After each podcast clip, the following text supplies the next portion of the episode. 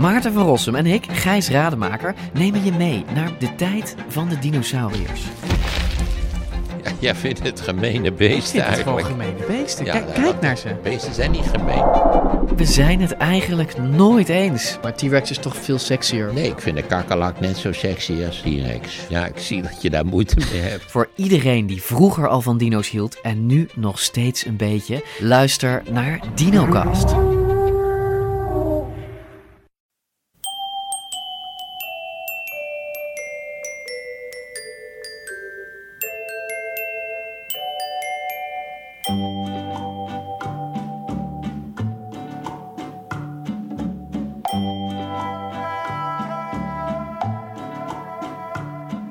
Welkom bij aflevering 64 van de Echt Gebeurd podcast, waar echt gebeurde verhalen worden verteld door de mensen die het zelf hebben meegemaakt. In deze podcast een verhaal van Elma Draaier. Het thema van de Echt Gebeurd middag was de buren.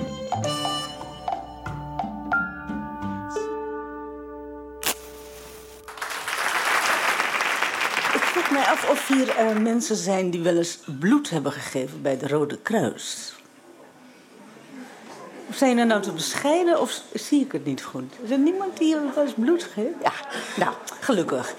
Ehm, dan, dan begrijpen jullie in elk geval waarschijnlijk wat ik bedoel met de bloedbankblik. De bloedbankblik. Dat is die innig tevreden met jezelf blik omdat je een offer hebt gebracht voor eh, de mensheid en dat allemaal om niets. Ik heb zelf eh, jarenlang bloed gegeven tot het niet meer mocht. En ik weet dat die, die blik op mijn gezicht zat. Dat ik daar met een soort vrome blik eh, in, op die bank zat. En dan eigenlijk zo ontzettend tevreden was met mezelf. Hoe, goed ik dat wel niet deed. Hoe goed mens ik eigenlijk was. Nou, wel nu. eh, eind jaren 70, 1979. eh, ik was 22. Woonde ik in de Van Wouwstraat. En voor de niet-Amsterdammers onder u, dat is een straat in de nu ultra-hippe pijp. Maar toen was dat niet het geval. Ik bedoel dat hip. Het was niet hip. Het was eigenlijk een hele nare buurt, ontzettend verpauperd. En ehm, eh, er waren, was helemaal geen leuke horeca, restaurants, cafés. bestond allemaal niet. De enige cafés hadden van die hoogpolige eh, tapijtjes op, eh, op hun tafels liggen. En ik vond het dus een verschrikkelijke buurt. Maar goed, ik had voor het eerst van mijn leven een eigen huisje. Ik denk dat het zo 30 vierkante meter was, maar met een eigen wc voor het eerst. En met een gijzer, zodat ik mijn haar kon wassen. En dat was al enorm bijzonder, want daarvoor moest ik altijd alles delen. Douchen moest ik nog steeds in het badhuis, maar ik had wel de gijzer. Ehm, ik woonde op één hoog. Op twee hoog woonde een ontzettend aardig meisje. En op drie hoog en vier hoog woonde buurman. Zo zal ik hem maar noemen in dit gezelschap. Buurman. Wel nu, ik, ik woonde daar denk ik twee weken of zo. En toen kwam ik buurman, die ik al- alleen aan hand had gegeven, nog voor de deur tegen. En hij had een hele grote witte doos in zijn hand met een rood kruis erop. En die blik, die had hij, die blik, die bloedbankblik. Nou, eh, we raakten zo aan de praat. Want ik vroeg natuurlijk, goh, hè, ik wilde niet al te nieuwsgierig zijn... maar het was zo'n opzichtige doos. Dus ik wilde graag weten wat dat nou was. En toen zei hij dus een beetje achterloos met die blik natuurlijk... nou, kijk, ik heb heel bijzonder bloed... Ik, ehm, eh, dus ik, heb bijvoorbeeld A-positief, maar hij had iets heel ingewikkelds. En het is was zo bijzonder bloed dat hij eens in de maand eh, naar het Rode Kruis moest om te doneren. En daar kreeg hij als dank van het Rode Kruis elke keer zo'n grote witte doos voor met zo'n rood kruis erop. Nou, ik eh, hoorde dat geïnteresseerd aan en we gingen ieder ons weegs. En ik denk, nou, waarschijnlijk precies een maand later kom ik op een avond thuis. En ik loop mijn trap op. En wat staat er in het portaal voor de deur? Zo'n witte grote doos met een rood kruis erop. Dus de buurman had eh, dat pakket kennelijk aan mij geschonken. Wat zat er nou in? Nou, een flesje wijn. eh, wat er in een kerstpakket zit eigenlijk. Dus volkomen overbodige dingen, behalve die wijn. Maar toch leuk om te hebben.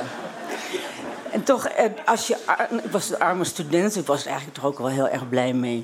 Ik dacht, ja, ik moet die man natuurlijk toch bedanken. Dus, eh, nou, ik ging naar boven en ik zei, nou, ik wil je dan toch een keer uitnodigen.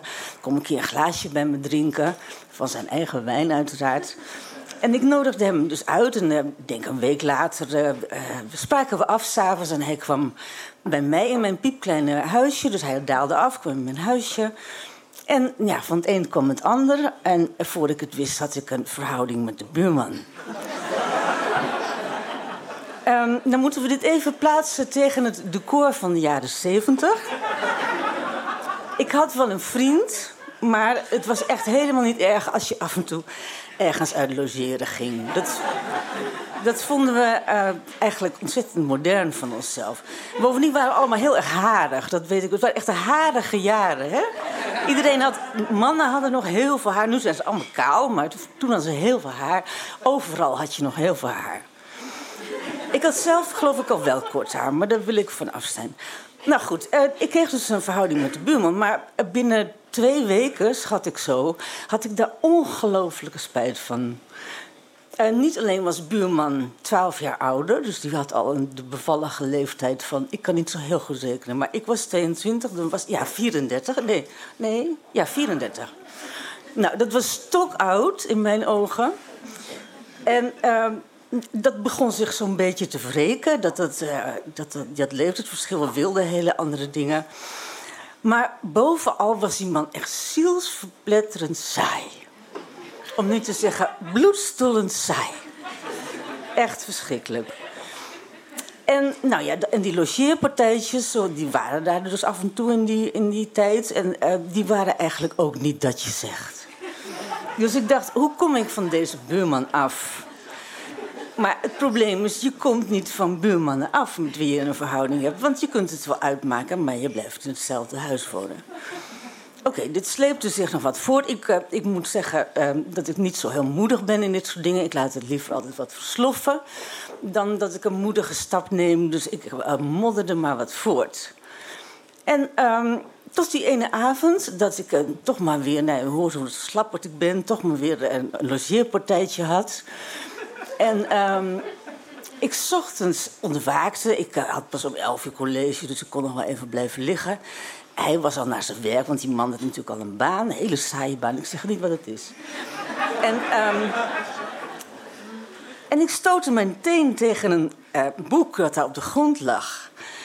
En uh, nou, kent u dat? Zo'n zo stevig boek dat als een dak zo op de grond lag.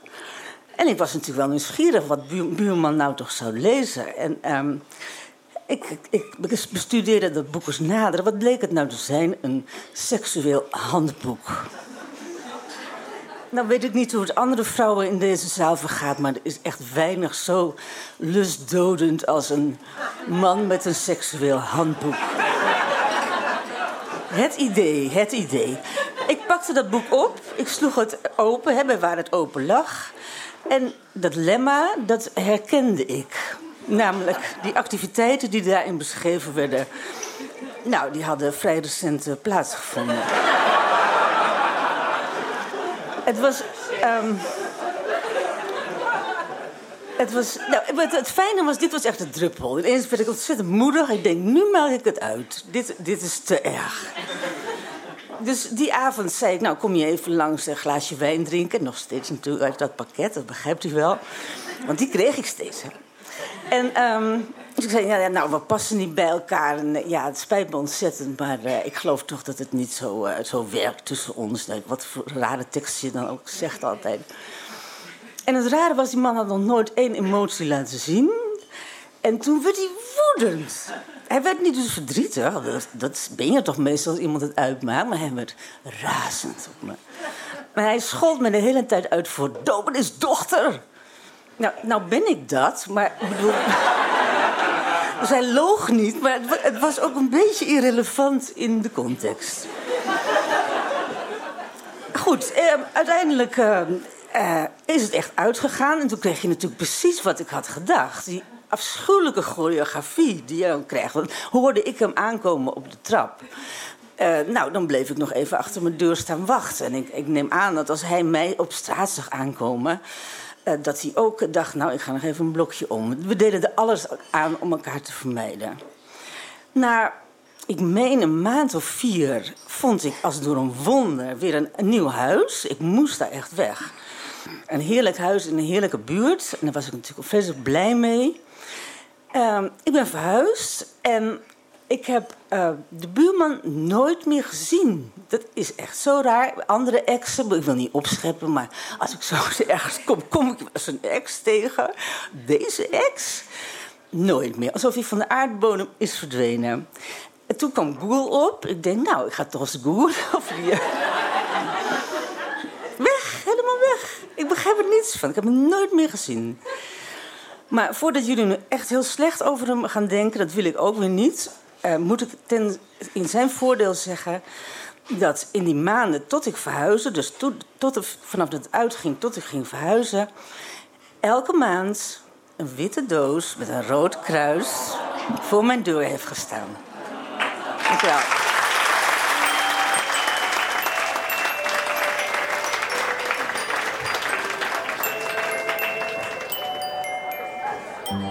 Dat was Elma Draaier, die al vaker bij ons op het podium een elegant verhalenverteller bleek. En dat is ze ook op papier, bijvoorbeeld in haar boek Verwende Prinsesjes. Echt gebeurd wordt iedere derde zondagmiddag van de maand opgenomen in Toemler, onder het Hilton Hotel in Amsterdam. Heeft u zelf een bijzonder verhaal te vertellen of wilt u er gewoon een keertje bij zijn als er echt gebeurde verhalen worden verteld? Ga dan naar www.echtgebeurd.net. Dat is net, net als in net. Op www.echtgebeurd.net kunt u zich ook opgeven voor onze nieuwsbrief. Bovendien is Echt Gebeurd ook te vinden op Facebook en Twitter. De redactie van Echt Gebeurd bestaat uit Eva Maria Staal, Paulien Cornelissen, Rosa van Dijk, Eva Zwaving en mijzelf, Micha Werten. En de techniek is in handen van Vrijman en Vrijland. En Echt Gebeurd komt tot stand met ondersteuning van Comedy Train. Dit was de 64ste podcast van Echt Gebeurd. 16 februari is er een aflevering in Toemler met het thema broers en zussen. Wees welkom, zou ik zeggen.